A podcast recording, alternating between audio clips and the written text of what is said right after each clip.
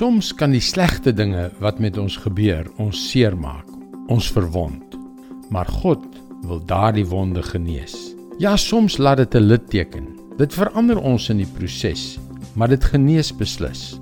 Maar tog te dikwels laat mense die wond nie toe om te genees nie. In plaas daarvan om beter te word, word hulle bitter. Hallo, ek is Jockey Gouchee vir Bernie Diamond en welkom weer by Vars. Teespoed beïnvloed baie dinge in ons lewens.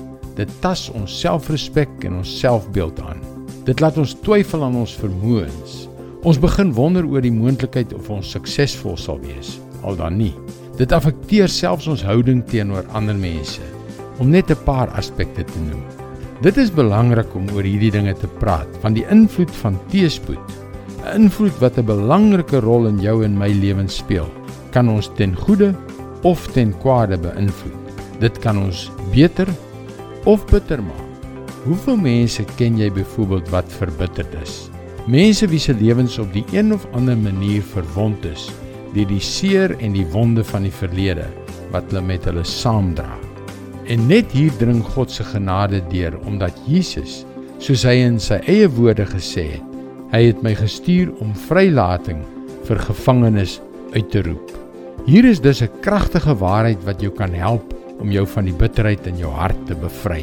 Hebreërs 12 vers 15. Sorg dat niemand van die genade van God afvallig word nie. Sorg dat daar nie verbittering soos 'n wortel uitsprei, moeilikheid veroorsaak en baie besmet nie. Die oorspronklike Grieks verwys na die wortel van bitterheid. En weet jy, die plant se wortel bepaal die uitkoms van die vrug. Kom na Jesus toe as jy genesing van die bitterheid in jou verlede wat jou gevange hou wil hê.